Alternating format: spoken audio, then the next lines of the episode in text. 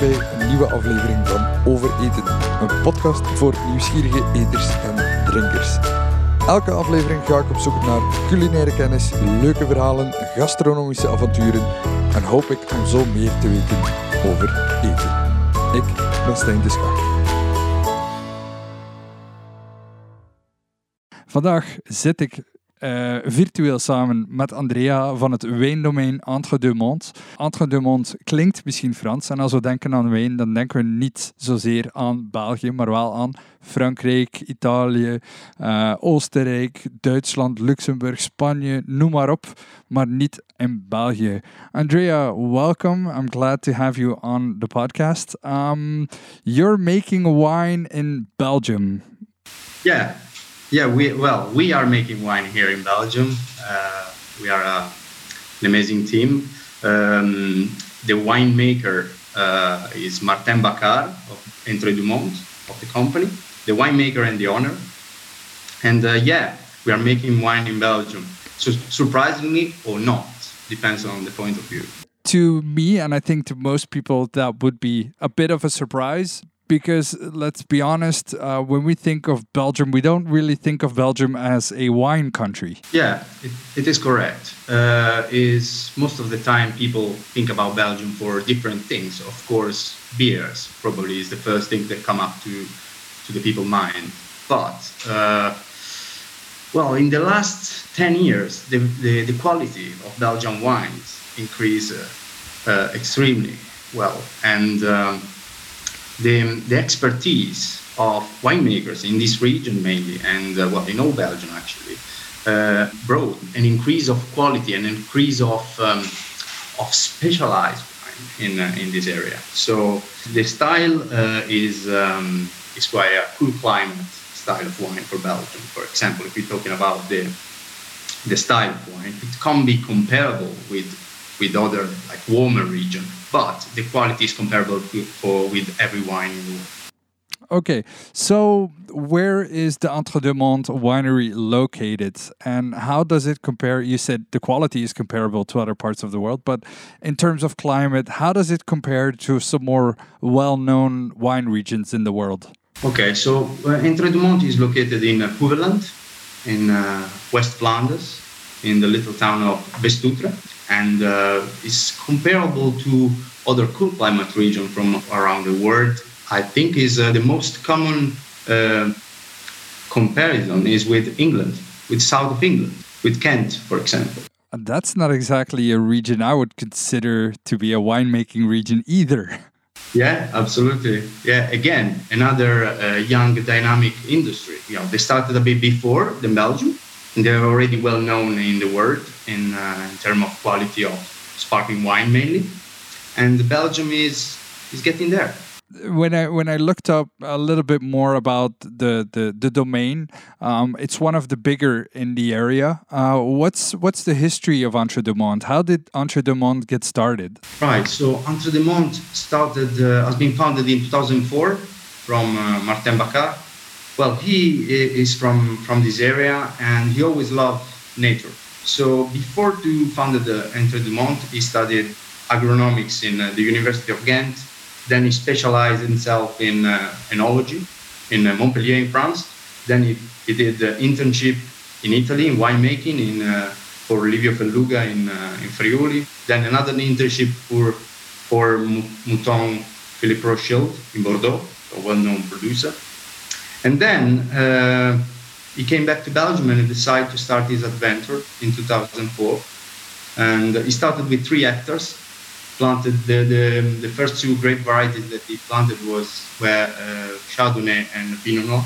And um, well, with help with the help of his father, Yves, that he was also a wine merchant and a beer a beer merchant with, with his ideas. So they start to work together and uh, they increase year per year the plantation of vineyards. So they started with three hectares.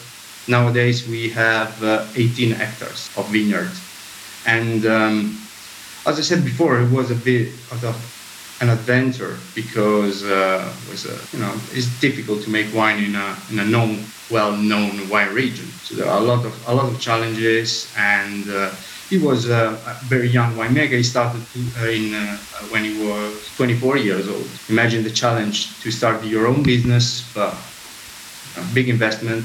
And the first production was in 2008, an increase uh, year per year. So nowadays we produced around uh, under 20,000 bottles. One of the first challenges that comes to mind for me about starting a winery in a non wine region is where do you find the grapes? It's not like when you go to Bordeaux, there's centuries and centuries and centuries of winemaking. Do you just start planting grapes and hope they grow, or how does that work? No, of course, um, he did uh, um, site selection. He started with uh, with the first three acres were owned by his grandfather and his vine, were good for, for grape growing.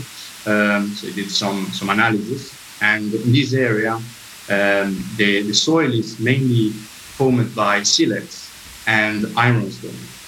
So perfect for for wine growing. Why? Because it's a good. They have a very good uh, water drainage. So even if it's a wet area, so it's fine for the grapes, and they're not very full of nutrients. So vines do, uh, don't need a lot of nutrients. So you started with with two grapes, the Chardonnay and the Pinot Noir, you said. Um, how many varieties do you have now? Are you still using those two, or did you uh, bring some new ones into the mix? Well, we still uh, use uh, Chardonnay and Pinot Noir, but also we added other five different grape varieties. So we have seven grape varieties in total. We have uh, Chardonnay, Pinot Noir, Kerner, and uh, Pinot Auxerrois, Pinot Gris, Siegerrebe, and Acolon. Probably some of them maybe you, you never heard. Some are quite uncommon, but they're not easy to find in this area. For example, uh, well, the Kerner in Belgium is growing quite well, and is a German grape variety. Uh, is a cross between Trollinger.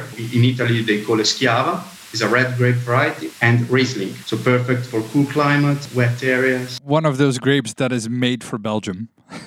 well, it's actually uh, very, very interesting. I uh, I tried before in Italy, for example, wine made by Kerner in the northeast of Italy, but the Belgian Kerner is completely different. Again, it's much more fresh, very pungent on the palate. It's, it's lovely. When the grapes ripe completely and you can make 100% Kerner wine, it's very very nice wine. Isn't that just one of the beautiful expressions of terroir? What you're just uh, talking about? Yeah, well, yeah, this is a good spot on, I'd say. Well, it's also quite interesting this grape variety because we use it for still wine and for sparkling wine.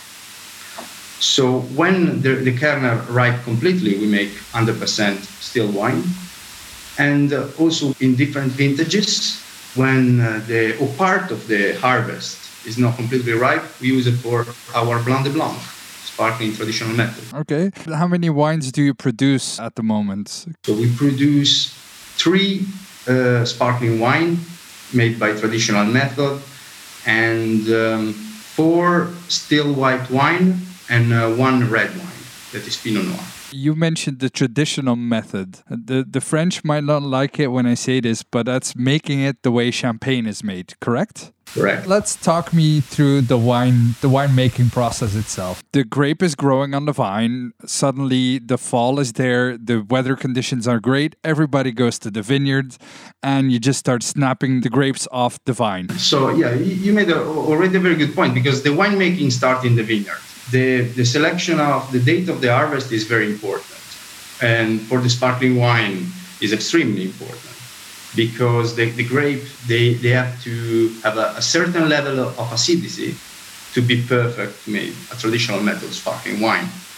So after after the summer, when uh, the, the, harvest time is coming, that in this area is around uh, the middle of September, also the beginning of September, depends on the vintage. The winemaker and uh, the vineyard manager pass through the vineyard, pick some bunches and some grapes, they taste it, and when they, they find out that the level of acidity and the sugar are perfectly balanced to make the wine that they want, they decide the date of, of the harvest. So the harvest uh, for the sparkling wine uh, is made by hand in order to not damage the skin of the berries. The grape bunches are uh, transported to to our main building. Before they get transported, how many people are you using to pick all the grapes? Well, well, de- depends on. Um, we are five five people full time here, but um, we also have some seasonal workers, and also we offer some harvest experience. So some of our customers come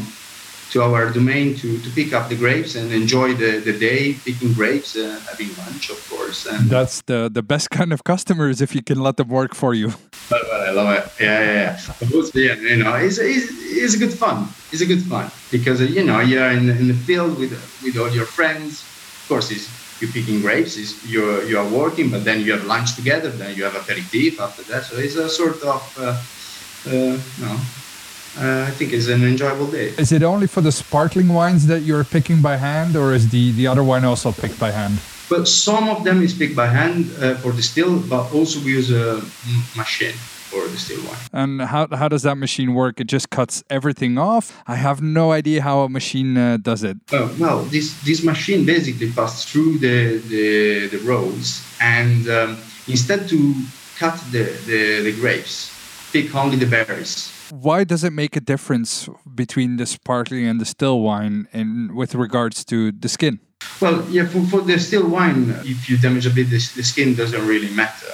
And uh, for the sparkling, because uh, it's a more also delicate product, and uh, you don't want to lose any any part of the juice of the berries. That is very important, and um, you, you have to have a, a healthy whole bunch grapes if you want to make uh, want to make a very high quality product and then you press directly the, the grape instead to crush maybe the grapes and extract the juice they uh, they're being pressed direct What's the difference? Uh, to me, the end result is, is grape juice.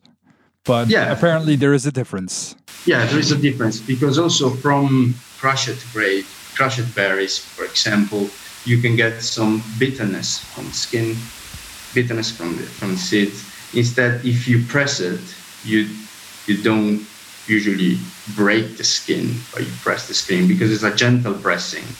And uh, so you make sure that you don't allow any bitter flavor in your wine because this is what you don't want.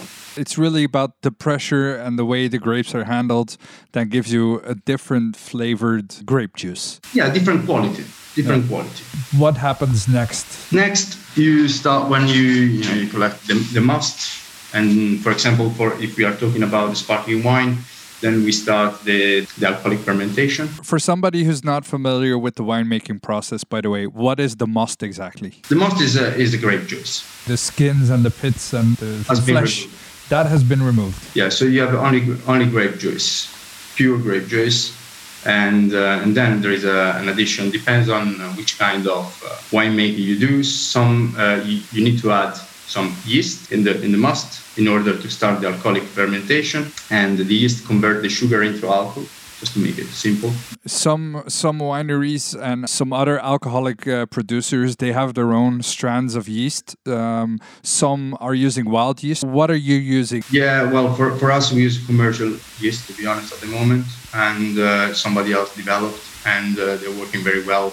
So, so this is what we use at the moment. There is a in the future there is a, an idea to start maybe use a wild yeast. It, it, it's difficult. Does it make a difference in in the flavor as well if you use different types of yeast? Well, I don't think so. I don't think so. Some people, some people think that could, and I, I like to think that it, it could because you know, natural, everything about na- natural yeast could be, could be better. But well, it's more difficult to use a wild yeast because you don't know if they work. This is my fear, basically. So you would really have to have to be sitting there and crossing your fingers and hoping something starts if you want to do wild. yeah, well, it- you know, with white yeast is uh, is less sure. So, put it like that. But it, it's interesting to see what what the future is going to bring. If you tell me that you're thinking about other things. Of of course, uh, I, I think um, nowadays more than, than before, we have to think more about keeping everything most natural as possible. It's difficult, but we have to. Okay, so you've put the yeast in the in the must. Um, Yeah. It starts to bubble, starts to ferment. How how do you continue? Because now you have wine. Now you have, uh, yeah. Now you you you have uh, your alcoholic product, so the wine, and um, Can you can you compare it to wine already or not really? well, there are some other other processes to make a, a, proper refined wine. So even the filtration, you know, to remove bits and pieces, and uh, of course aging to develop a certain certain type of wines. But for the sparkling, uh, at this point, uh, the wine. Uh, so after the first fermentation, uh, the wine is always still and dry. And um, to make a sparkling, the wine is bottled with um, with the normal spark, sparkling bottles, and into the wine we add uh, the liqueur de tirage. The what?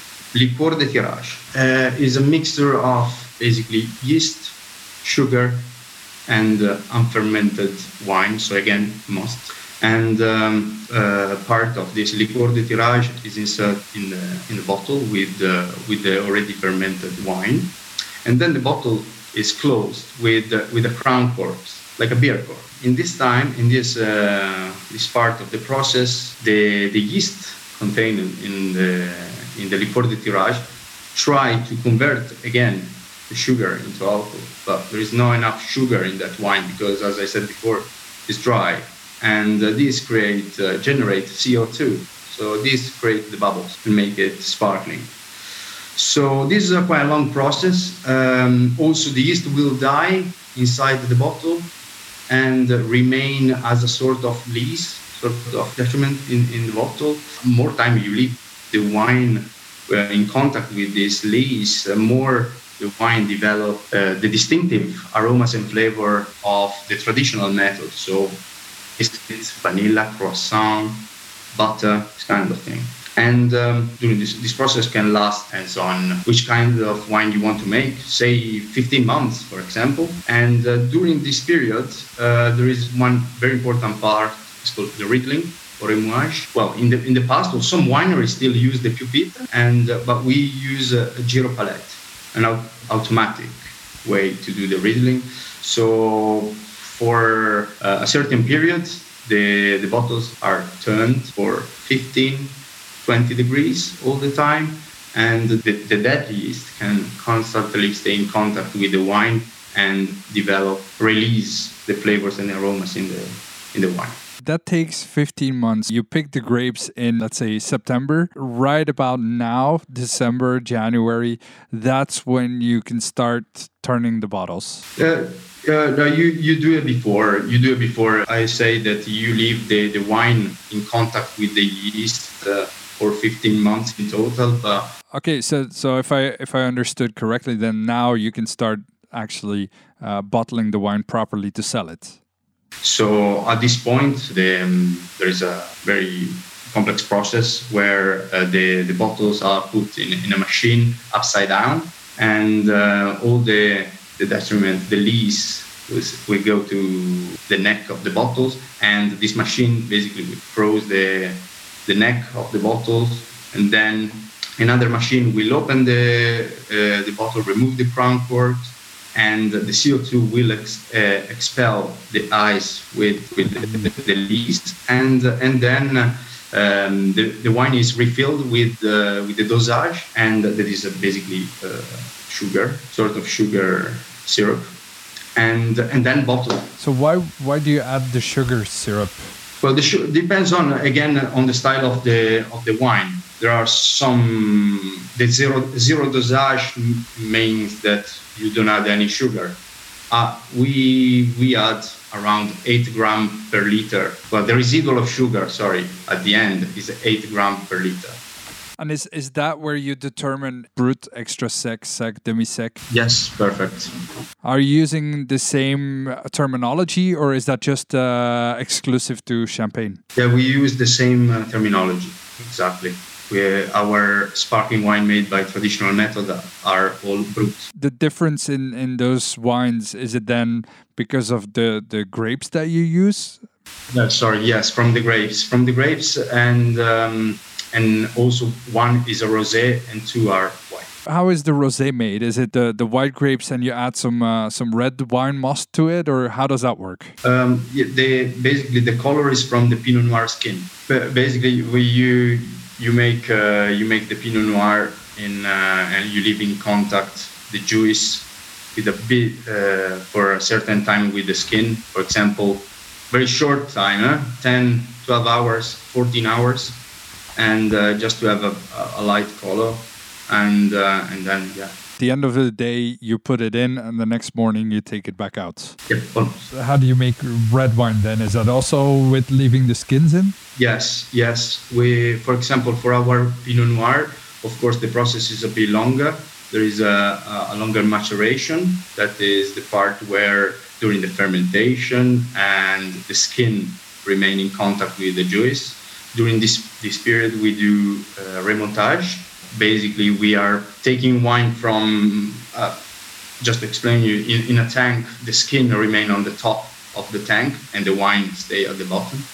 Uh, so we take the wine from the bottom and we pump it over again on top to enhance the contact between the skin and the juice. So to increase the extraction of color, tannins, and all the very nice flavors. Maybe we should just get through the whole process of the stilling wine because it, it seems like it's completely different from the sparkling wine. We started in the vineyards, we pick the grapes, this time with the machine, we go to the Yeah. winery, and then we crush them instead of pressing them. Crush it with presses as well. So you try to get as much juice from the grape as possible, even more than for the sparkling. Absolutely. Yeah, absolutely. Then uh, again, the the fermentation uh, is exactly the same. So cultured or wild yeast, and then um, still tanks. For example, if you think about our Chardonnay, fermentation happen in a still tank uh, to retain in order to retain freshness and fruit aromas and flavors. So after the, the fermentation, part of aging process, for example, for for the Chardonnay, uh, we use a French barrique, 225 liter barrel, and we put the, the wine in, uh, in those barrels. We keep for well as long we think that the wine could be could be ready. Of course, during during all year we have periodical tasting to try the wine and uh, to see if there is any any issue, any maybe oxidation. Everything could happen. So during the year, uh, for example, Martin, Martin Bacquaert, the winemaker that is, is the creator of all this wine. He tried the wine several times and uh, he decide when when the wine, for his point of view, is ready.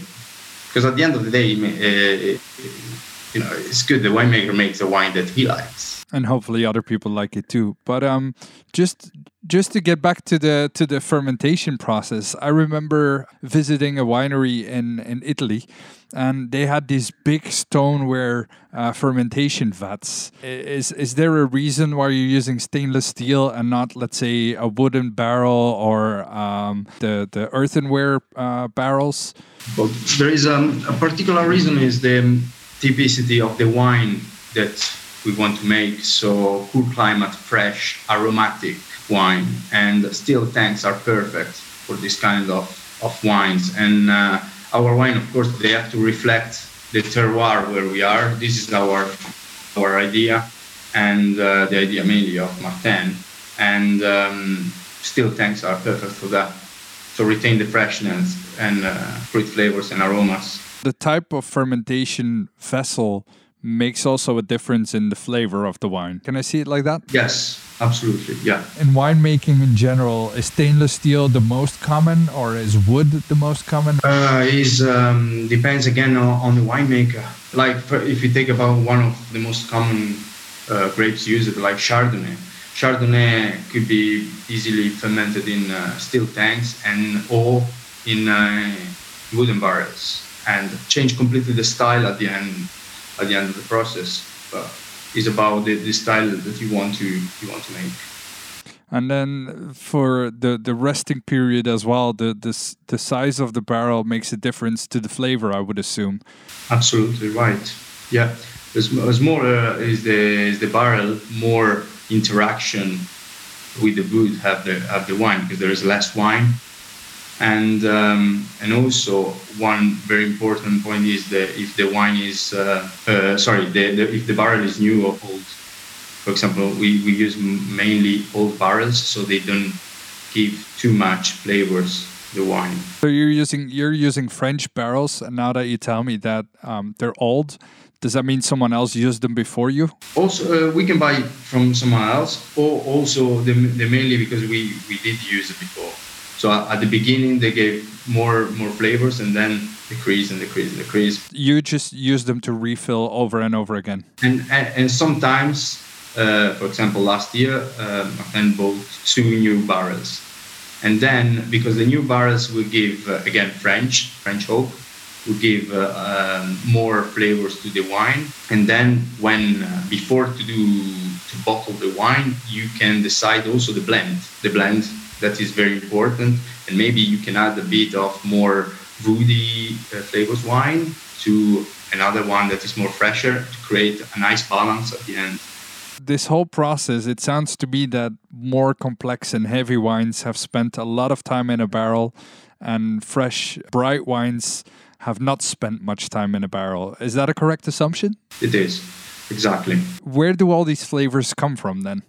Is that purely the interaction of the wood? Is that the grape itself that's oxidizing? What's going on in the barrel? Fine. Yeah, there are uh, several uh, parts that bring a lot of flavors to, to uh, for example, a full body. If we talk about full body, powerful, rich red wine.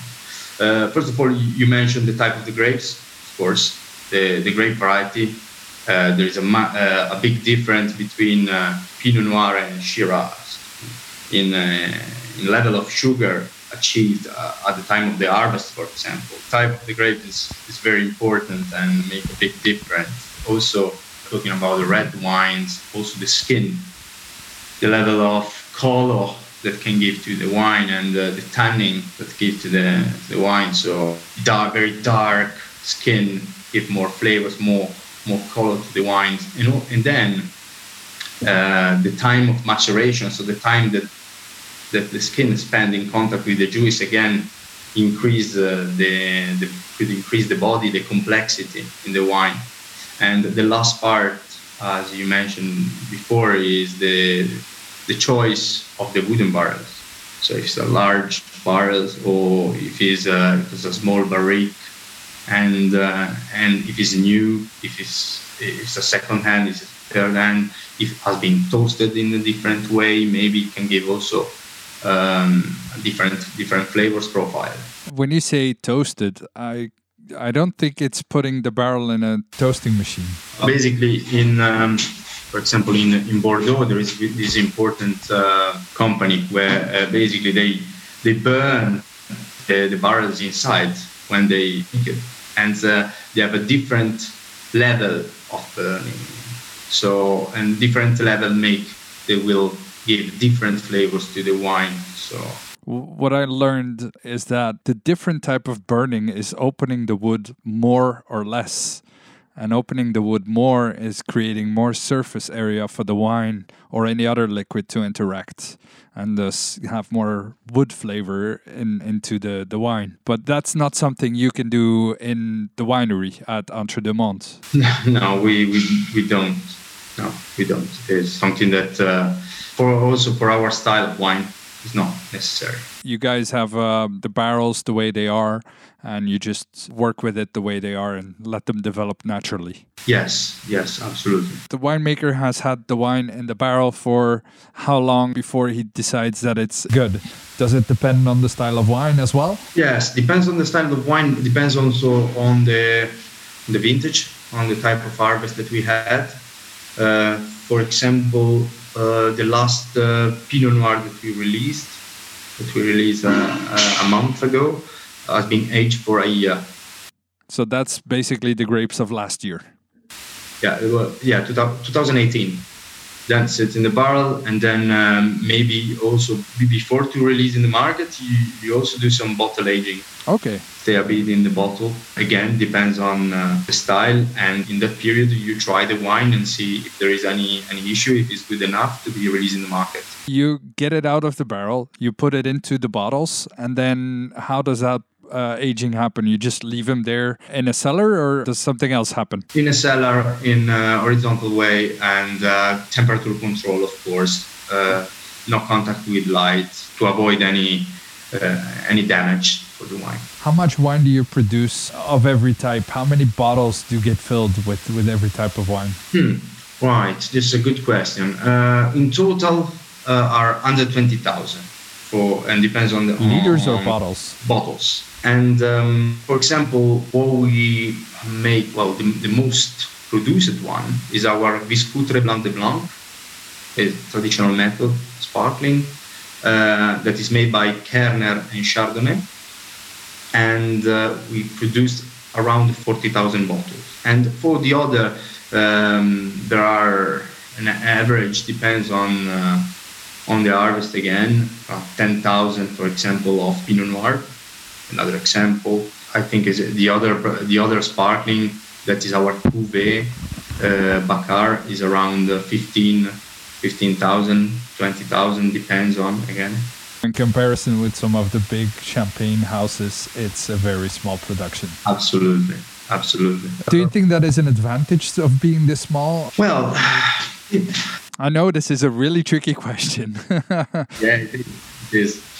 But uh, well, I can tell you what, what I think. From my, my point of view, I like uh, the idea of Martin to have a decent production, a small, small, small, medium production, but work every year on quality. So try to increase the quality every year. That is the goal. We are one of the biggest in, in the region, well, in, in the country actually. But uh, if one day we have to increase the production, if we can keep the same quality, I think it's good. But if you have to increase the production and just to you know to to make make more wine, but less quality, I think is not not good enough for us. Where is your biggest consumption of the wine? Is that in Belgium? Are you exporting? Uh, well, the all the sales are in Belgium at the moment, and uh, is our main market. Uh, I have to say, we're lucky enough. All our production is sold every year in Belgium and there is a very small uh, amount that goes to France that is by the neighbor. We are just based by the French port, so. If, if you're on top of the of the domain, you can see France, right? Yes, yes, yes. It's just uh, you know 300 meters. You go to you go to France, and yeah, there is the, the Mont Noir. We are between the two mountains, the Mont Red and Mont Noir. Hence the name Entre deux Monts, which translates as between the two mountains. Yeah, yeah, so main, the main market is Belgium. We are, uh, of course, we would like to try to enter in different markets, and probably this is the biggest challenge for Belgian wine. So entering a new market. The small part that goes to France is literally for the neighbors. Yes, absolutely. Yeah, yeah. A wine shop and a couple of restaurants that buy directly our wines from us in France, but it's not an amount that we can, you know, we can consider as a as an export. The biggest challenge would be uh, exporting wines. Just out of curiosity, what part of Belgium likes to drink your wines the most? Flanders. Flanders. I would say like Ghent, Kortrijk, also uh, somehow Brussels as well, eh? Wallonia, yeah, you know, with well, all Belgium. I have to be honest, uh, but mainly, mainly I would say Ghent, Bruges, Kortrijk, regarding the, the future of, of Entre deux Monts, are you also playing around with more grape varieties, different styles of wines? Is there is, are you working on something like that? How do you know that? I'm just asking. I would be very surprised that something like that is not happening at the winery. Absolutely. No, yeah, we are. I can say that we are working with um, with a new grape varieties uh, that uh, has started to produce this year uh, for the first time, and is the Apollon. So it's a, French grape variety, and red is a red grape variety. Um, so we are trying to make uh, a red wine aged in barrel. Again, if we talk about the production that we had before. So next year we will have a new wine on the list, and we are constantly trying uh, see how it developed in the barrel and uh, yeah this uh, and then uh, of course we with the with the new grape variety you can uh, you can have also different blends uh, you can have different style of other wines so we, we play, we play, we experiment a, a lot of different options. But at the moment, I can say that uh, the first thing that will come out will be a new red wine. Where can people find most of your wines? Are you in the big supermarkets? Do you have to go to a more specialized wine uh, shop? Uh, what's the best way to find the Entre Mondes wine? Yeah, well, uh, in the big supermarket, we, we, are not in the big supermarket at the moment. We are more specialized wine shop, corner shop. Uh, uh, also, we sell our wine line. A web shop, and we can deliver in all Europe. But we uh, we have a very good distributor and wine shop. Our clients are working very well at the moment, despite the Corona time. For example, Wayne Leclerc in Courtrai, uh, Vinetic, Odilon, Wine Time in Newport by the coast. We have uh, several wine distributors that are working very hard for us, and you can easily find our wine online from, from them. Obviously, 2020 has been a very unusual year with lockdowns here and there, on and off. But let's say that things go back to normal next year. Is there a possibility from people to visit the winery, or is that not something you do? Yes, we offer. Um, guided tour and tasting at our winery. So from we we used to do it, and next year hopefully, yeah, we will open again our door to to the people. They can book online through our website, and uh, uh, there is um, different options on Saturdays, uh, Fridays, and uh, there's a guided tour and tasting on our estate and uh, there are also uh, other projects for next year very important. We will open a shop. We at the moment we have a tasting room and shop all together. Next year we will have a we will divide the shop and the tasting room. So we will have a new shop with new with new products. And um, potentially for a private garden for our customers where we can do tasting outside and uh, picnic area. There's lots of lots of interesting projects coming up. Last question, yes. obviously, which of the wines is your favorite and why? Yeah, uh, the Bacquaert Brut is my favorite because um, it is uh, is what is the sparkling wine that have more complexity. Uh, so it's been uh, aged for two years on its lease and uh, that is an, another part that we avoid during the um, we didn't talk about it during the winemaking but um, the 35% of the wine of the Bacquaert Brut is from uh, Chardonnay aged in, uh, in oak barrel, so it gives even more complexity, and from Reserve Perpetuelle. What is Reserve Perpetuelle? Reserve Perpetuelle um, is a tank where we store the wine that we rack every every year.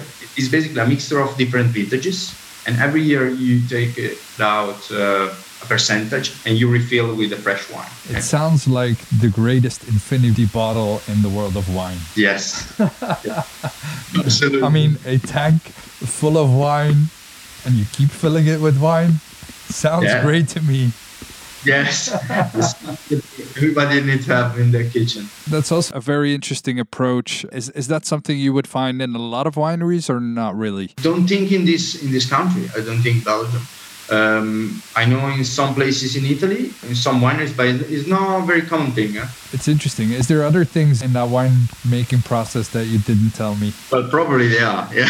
no, yeah. Obviously, I think it, it makes sense that you cannot tell every little secret, but stuff like this is, is very interesting. But now that we brought the wine making process up again, there's one thing that I'm wondering though. What are you doing with all the skins after you you're done? Where does that go? Uh, yeah, well, we most of the time we, we, we throw away. We have to throw away, or we use as a as a um, nutrients for the land. Yeah, Just yeah. literally also, thrown away, or, or is it used for for feed for animals or stuff like that? Some of them we gave uh, to our neighbor. He, he has a farm and he needs manure for, for his land, and some part we have to throw away.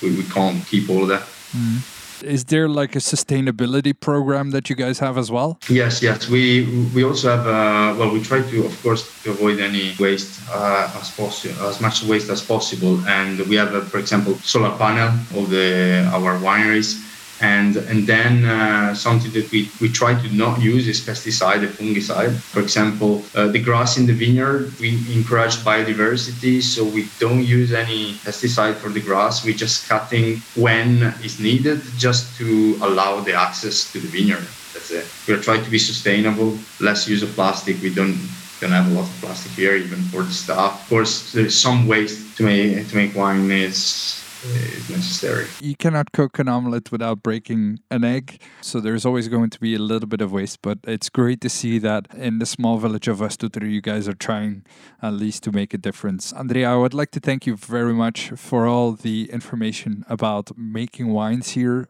about Entre deux Monts. Thank you so much. Thank you. I'm going to look for a bottle to open. I think we've talked enough. I'm, I'm really uh, excited to be trying some wine right now. Uh, I'm really looking forward to try some of the wine. And hopefully next year we can come and visit and see each other in person. Absolutely. It would be my pleasure. Alright, thank you so much. Dit was uh, opnieuw een aflevering van Overeten. Het heeft een tijdje geduurd. Het was een raar jaar, maar we zijn er terug en we gaan weer vooruit. Andrea, thanks again.